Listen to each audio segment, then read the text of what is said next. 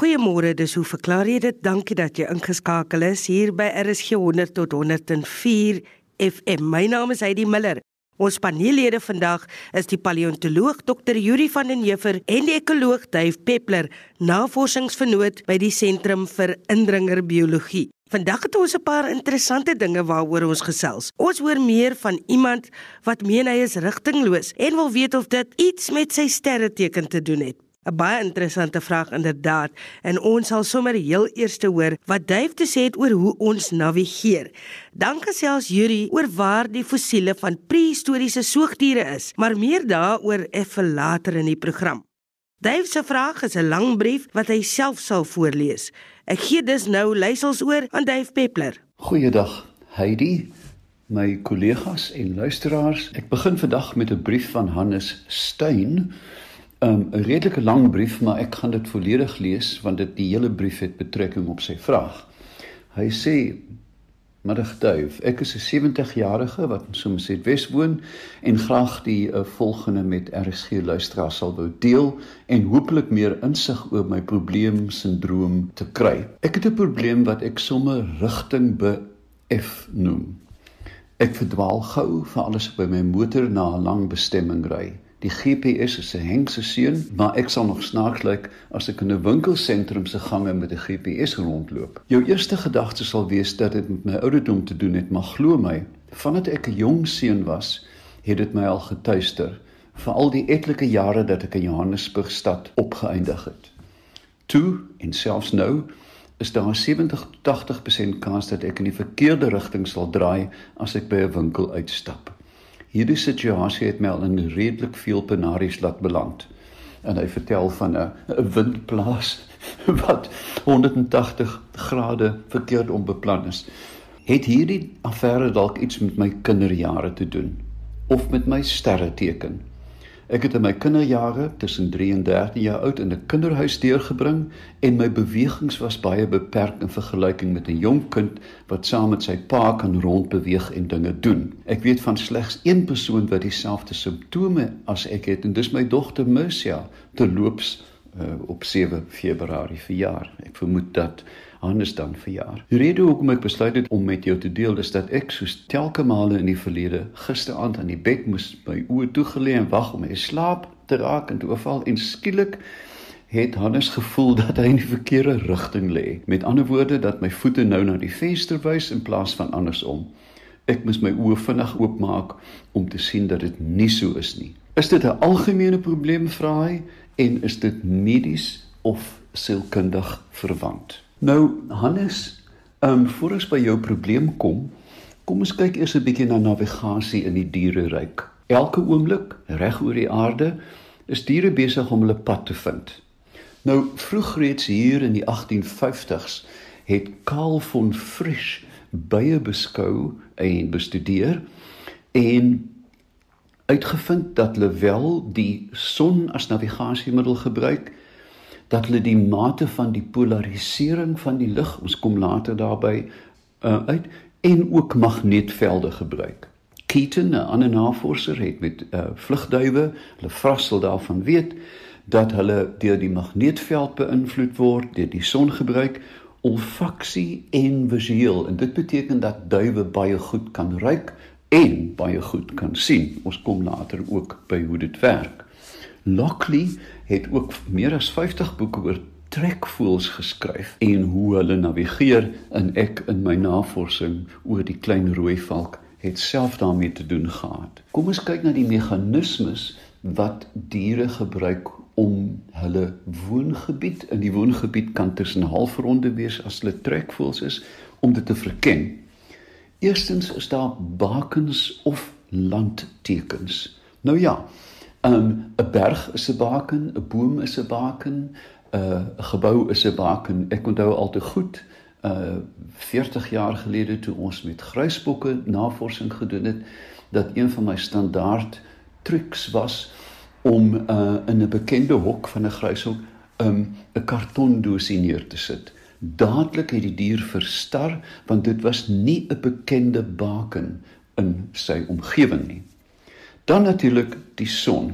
Indien jy 'n interne horlosie het, ek het in 'n vorige program gesels juis oor hierdie sirkadiaanse ritmes. As jy die horlosie het en jy het 'n oog, dan kan jy navigeer met die son. Hoe werk dit? 'n Besoek aan Greenwich wat ek aan enige iemand sal voorstel as ons weer kan reis, wys presies hoe dit gewerk het met die fabelagtige horlosies van Harrison. As jy mens noord-suid navigeer, is dit nie baie moeilik om jou uh, rigting te behou nie, maar oos-wes is 'n groot groot probleem.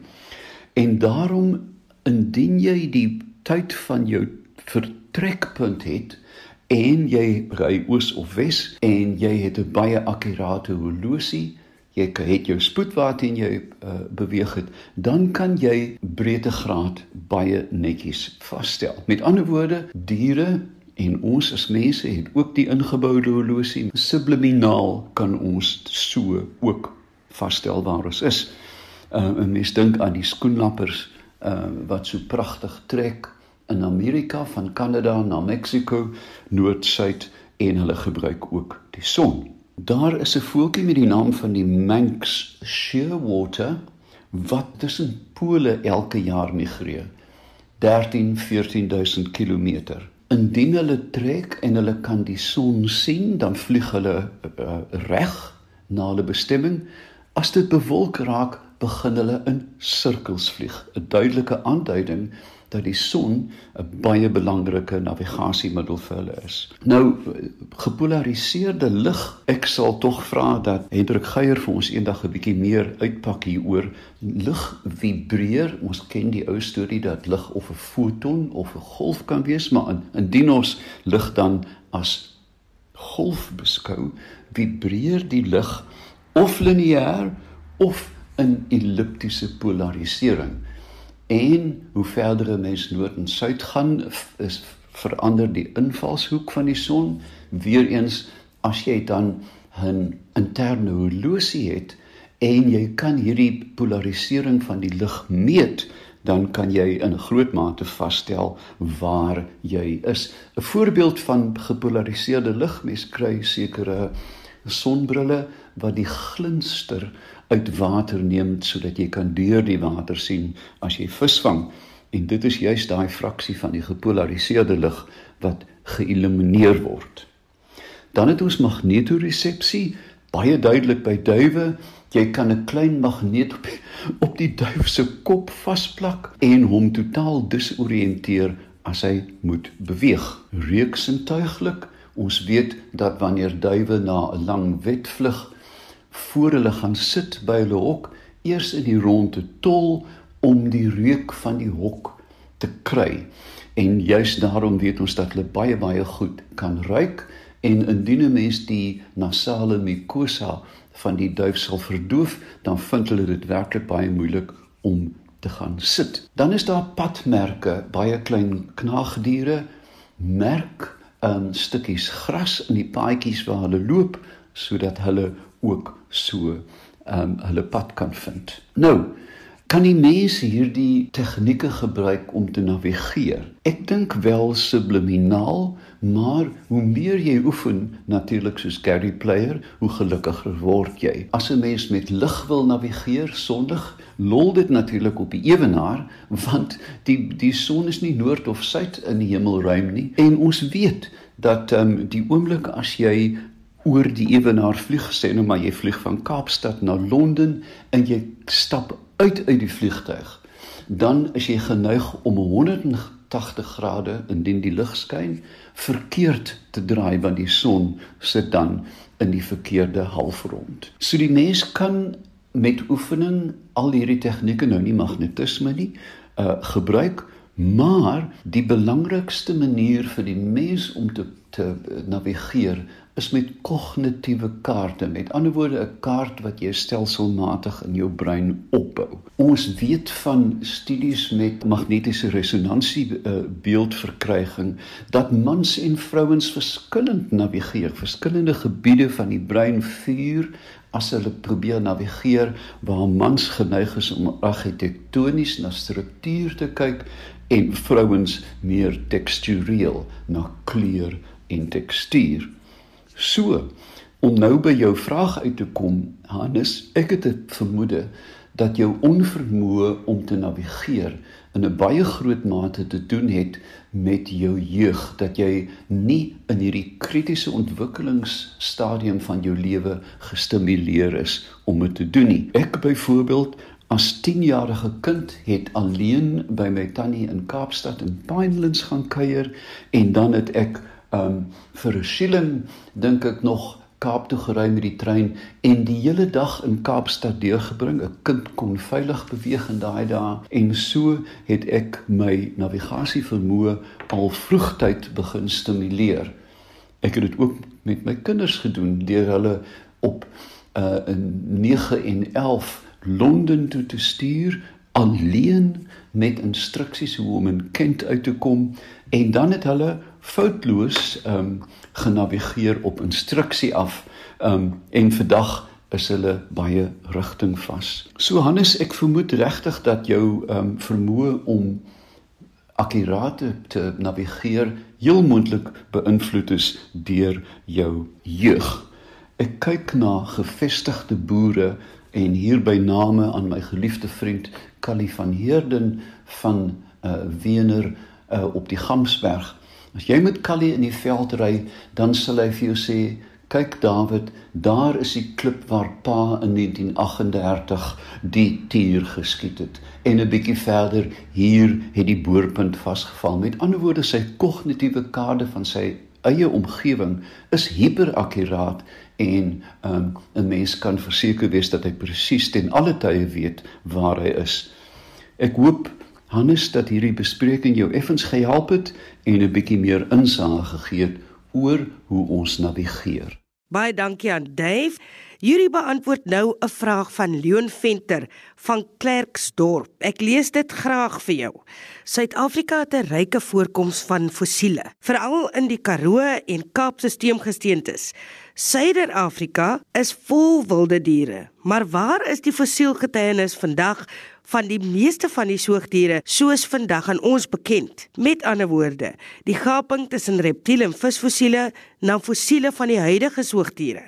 Mensfossiele is daar byvoorbeeld Sterkfontein naby Kreersdorp en verder in Oos-Afrika en kan ver met die evolusieproses terug bewys word. Soortgelyke fossiele, veral reptiele en visfossiele, word op verskillende kontinente gekry. Met ander woorde, daai diere het geleef voor die opbreek van die kontinente. In Akisei, Gondwana land, soos oerdiere rondmigreer het, moes daar ook fossielgeskiedenis wees. Byvoorbeeld die mammoet, voorvader van die olifant in Rusland. Maar hoekom nie in Suid-Afrika waar die diere al eeue of millenniums voorkom nie?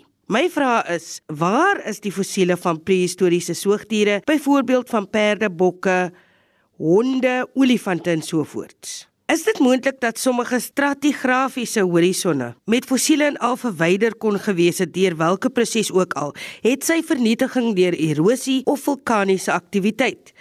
Oor na jou, Yuri. Goeiemôre Heidi, kollegas en luisteraars. Leon stel 'n baie interessante vraag omdat dit verskillende moderne vakgebiede betrek. Ons weet vandag dat plante in die breë sin van die woord natuurlikerwys tot spesifieke omgewings beperk is. Dink maar hoe die natuurlike plantegroei van die Wes-Kaap, Groot Karoo, Klein Karoo en KwaZulu-Natal verskil om nie eens van die Kalahari en die Namib-woestyn te praat nie. Dit het onder andere te doen met klimaat en grondtipe. Klimaat word in die wydste sin grootliks bepaal deur die posisie van 'n kontinent op die aardoppervlak, maar op lokale vlak ook deur onder andere die teenwoordigheid van bergreekse. Antarktika aan die suidpool is grootliks met ys bedek en dit beperk die soort landplante wat daar kan oorleef. Gevolglik bepaal dit ook watter plantetende diere daar voorkom. Landkarnivore soos pikkewyne oorleef egter goed in die koue want hulle jag in die see. Terloops Leon, jy praat van Gondwana land. Dit is eintlik net Gondwana. Die naam verwys na 'n baie ou Indiese stam, die Gonde wat steeds in Indië woon. Die gebruik van Gondwana land het vanaf Noord-Amerika oorgewaai en is eintlik grammatikaal verkeerd, aangesien Gondwana reeds land van die Gonde beteken. Gondwana land beteken dus verkeerdelik land van die Gondeland. Jy hoef egter nie sleg te voel nie, Leon, want die misbruik kom so algemeen voor dat selfs 'n bekende geoloog dit 'n paar dae gelede tydens 'n radio-onderhoud gebesig het. Afrika strek van woestyngebiede in die noorde dwars oor die ewenaar met sy tropiese woude tot by die Mediterrane streek aan die suidpunt by ons. So 'n wisselende klimaat met grondtipes wat deur erosie en sedimentasie voorsien word, bepaal grootliks die aard van die plante groei. Dit het 'n wesenlike invloed op die aard en samestelling van die planteters wat uiteindelik die soort roofdiere wat in 'n streek of landsgebied voorkom beïnvloed. Krokodille en likkewane kom nie natuurlikerwys in die Wes-Kaap voor nie, omdat die tradisioneel nat winters lang koue periodes insluit waar tydens hulle as ektotermiese of koudbloedige diere nie kan oorleef nie. Kleiner koudbloediges soos akedisse en verkleurmannetjies kan egter in hierdie soort omgewing oorleef. Die Sahara was so onlangs soos 11000 jaar gelede 'n vrugbare groen gebied wat as gevolg van klimaatstoestande geleidelik in 'n enorme woestyn verander het, uiteindelik met dodelike gevolge vir 'n groot verskeidenheid plante en diere. Midde-Afrika het 'n tropiese omgewing omdat Afrika noordwaarts geskuif het vanuit die Suidpoolgebied. Bewyse van hierdie reis lê opgesluit in die gletserafsettings by byvoorbeeld Matjiesfontein. Soos die kontinent noordwaarts beweeg het na minder ysige toestande, het die smeltende gletsers 'n reuse kom wat vandag as die Groot Karoo bekend staan, geleidelik onthul. Dit was letterlik nuwe grondgebied wat deur die soogdieragtige reptiele, die voorvaders van moderne soogdiere vanuit ander wêrelddele beset is. Op daardie stadium ongeveer 260 miljoen jaar gelede was die soogdieragtige reptiele die dominante landwêrelddiere die wêreld oor. Vandag word hulle fossiele vanaf Noord-Amerika, Rusland, Afrika, Indië, Suid-Amerika, China en tot in Australië gevind. Fossiele van die soogdieragtige reptiele kom in groot getalle in die Karoo voor. Die rede hiervoor is dat die Karoo kom oorspronklik 'n vrugbare gebied met baie kronkelende riviere was wat 'n groot dierebevolking onderhou het. Met die verbrokkeling van Gondwana en die ontwikkeling van bergreekse in die suide, is reënvalpatrone nadelig beïnvloed sodat die Groot Karoo mettertyd 'n halfwoestyn geword het. Die gevolglike gebrek aan digte plantegroei maak dit ook aansienlik makliker om fossiele op te spoor.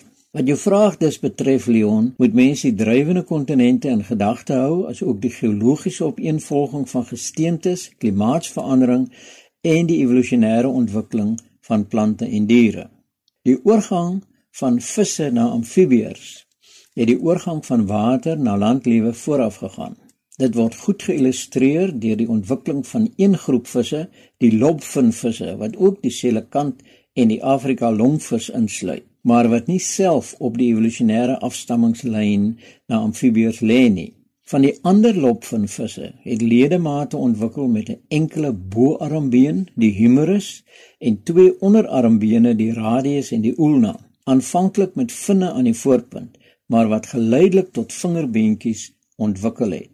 Verdere evolusie het gelei tot vorms soos tiktalik wat aanpassings toon in die rigting van amfibieërs soos 'n afgeplatte skedel en 'n nek wat toelaat dat die kop gedraai kan word. Visse besit nie 'n nek nie en moet die hele lyf draai om ander pad te kyk. Fossiele van Tiktaalik word vandag as gevolg van kontinentale drywing in die ysige noorde gevind.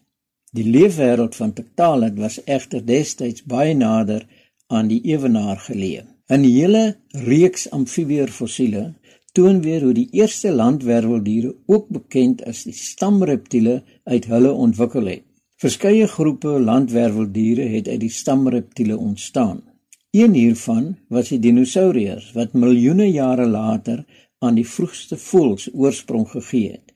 Dit word goed gedokumenteer deur uitgebreide fossielreekse. Een van die heel vroegste groepe wat uit die stamreptiele ontstaan het, was die soogdieragtige reptiele. Hulle was lank voor die dinosourus die wêreld oor die dominante landwerweldiere van hulle tyd. In Suid-Afrika toon die opeenvolgende geologiese lae waarin die soort fossiele voorkom, die oorgang van reptiele na soogdiere tot en met die ontwikkeling van die eerste soogdiere. Die Weskus Fossielpark naby Langebaan is 'n ongelooflike fossielvindplek. Dit is te danke aan die feit dat daar desjare 'n fosfaatmyn was wat op die fossiele afgekom het. Vandag is dit 'n internasionaal bekende vindplek van waar meer as 300 fossielspesies reeds beskryf is. Hieronder tel die voorsate van olifante, mammoete, oerperde, hyenas en kameelperde. Tans beskik dit oor 'n groot museum waar fossiele van ongeveer 5 miljoen jaar gelede aktief nagevors word. Versteende stuifmeel toon dat die omgewing destyds 'n waterryke oop boslandskap was waar ook die groot jagbeer Agriotherium en selfs Likewane voorgekom het. As gevolg van klimaatsverandering lyk ons Weskus vandag heel anders en is die beere en Likewane ook daarmee heen. Jou vraag oor honde is eweens interessant want honde het uit wolwe ontwikkel en omdat wolwe nie oorspronklik in Suid-Afrika voorgekom het nie, is dit 'n ingevoerde gedierte. Ek weet dat daar hier en daar nog 'n Karoo boer is wat van wolwe praat, maar die gebeentes van hierdie diere toon dat dit eintlik hyenas is. Die vindplekke van ons menslike voorsate in die wieg van die mensdom sluit ook 'n groot aantal dierefossiele soos wildsbokke en roofdiere in. Maar word dikwels op die agtergrond geskuif omdat ons eie voorsate so beroemd is. Jonger afsettings langs die Oranje rivier lewer 'n hele stroom eksemplare van nog jonger soogdiere en langs die kus van die Suid-Kaap lê geraamtes van selfs jonger soogdiere soos olifante, luiperds en wildsbokke, goed bewaar in die kalkryke sande van die omgewing. Meer onlangs is die suidwaartse verspreiding van perde, bokke en ek neem aan jy bedoel boerbokke leon en skape in Afrika belemmer deur die klimaat en die tsetsevlieg. In sy boek Guns, Germs and Steel verduidelik Jared Diamond hierdie geskiedenis uitvoerig. Jou opmerking dat 'n sekere laag verweer dan is die fossiele daarmee heen is waar. In Suid-Afrika is ons gelukkig dat die geologiese opeenvolging volledig genoeg is om vir ons 'n evolusionêre beeld vanaf eensellige diere tot by die mens te gee. In Suid-Afrika is die boonste gedeeltes van die kruitafsettings, dit is nou die tyd toe die groot dinosourusse soos Tyrannosaurus rex bestaan het, ongelukkig verweer en weggespoel see toe. Ons beskik egter oor die onderste laag van die kruit met reste van die vroeë dinosourusse wat belangrike data oor hulle evolusie voorsien. Leon, Soos jou brief inderwaarheid suggereer, is die fossielrekord van die verlede tot die hede geweldig omvangryk en kompleks. Daarom is die onderrafeling van die verwantskappe en verspreiding van ons voorsate ingebed in navorsing oor die vergelykende anatomie, die geologie, kontinentale drywing, klimaatsverandering en laaste, maar nie die minste nie, ystydperke. Baie dankie aan ons hoe verklaar jy dit span vandag se paneellede Dr. Yuri van den Heever en Dave Peppler. Ek herinner jou weer daaraan. Hierdie programme kan jy gaan aflaai by www.rsg.co.za. Jy klik daar op potgooi. Ons gesels weer aanstaande week. Lekker Sondag verder vir jou.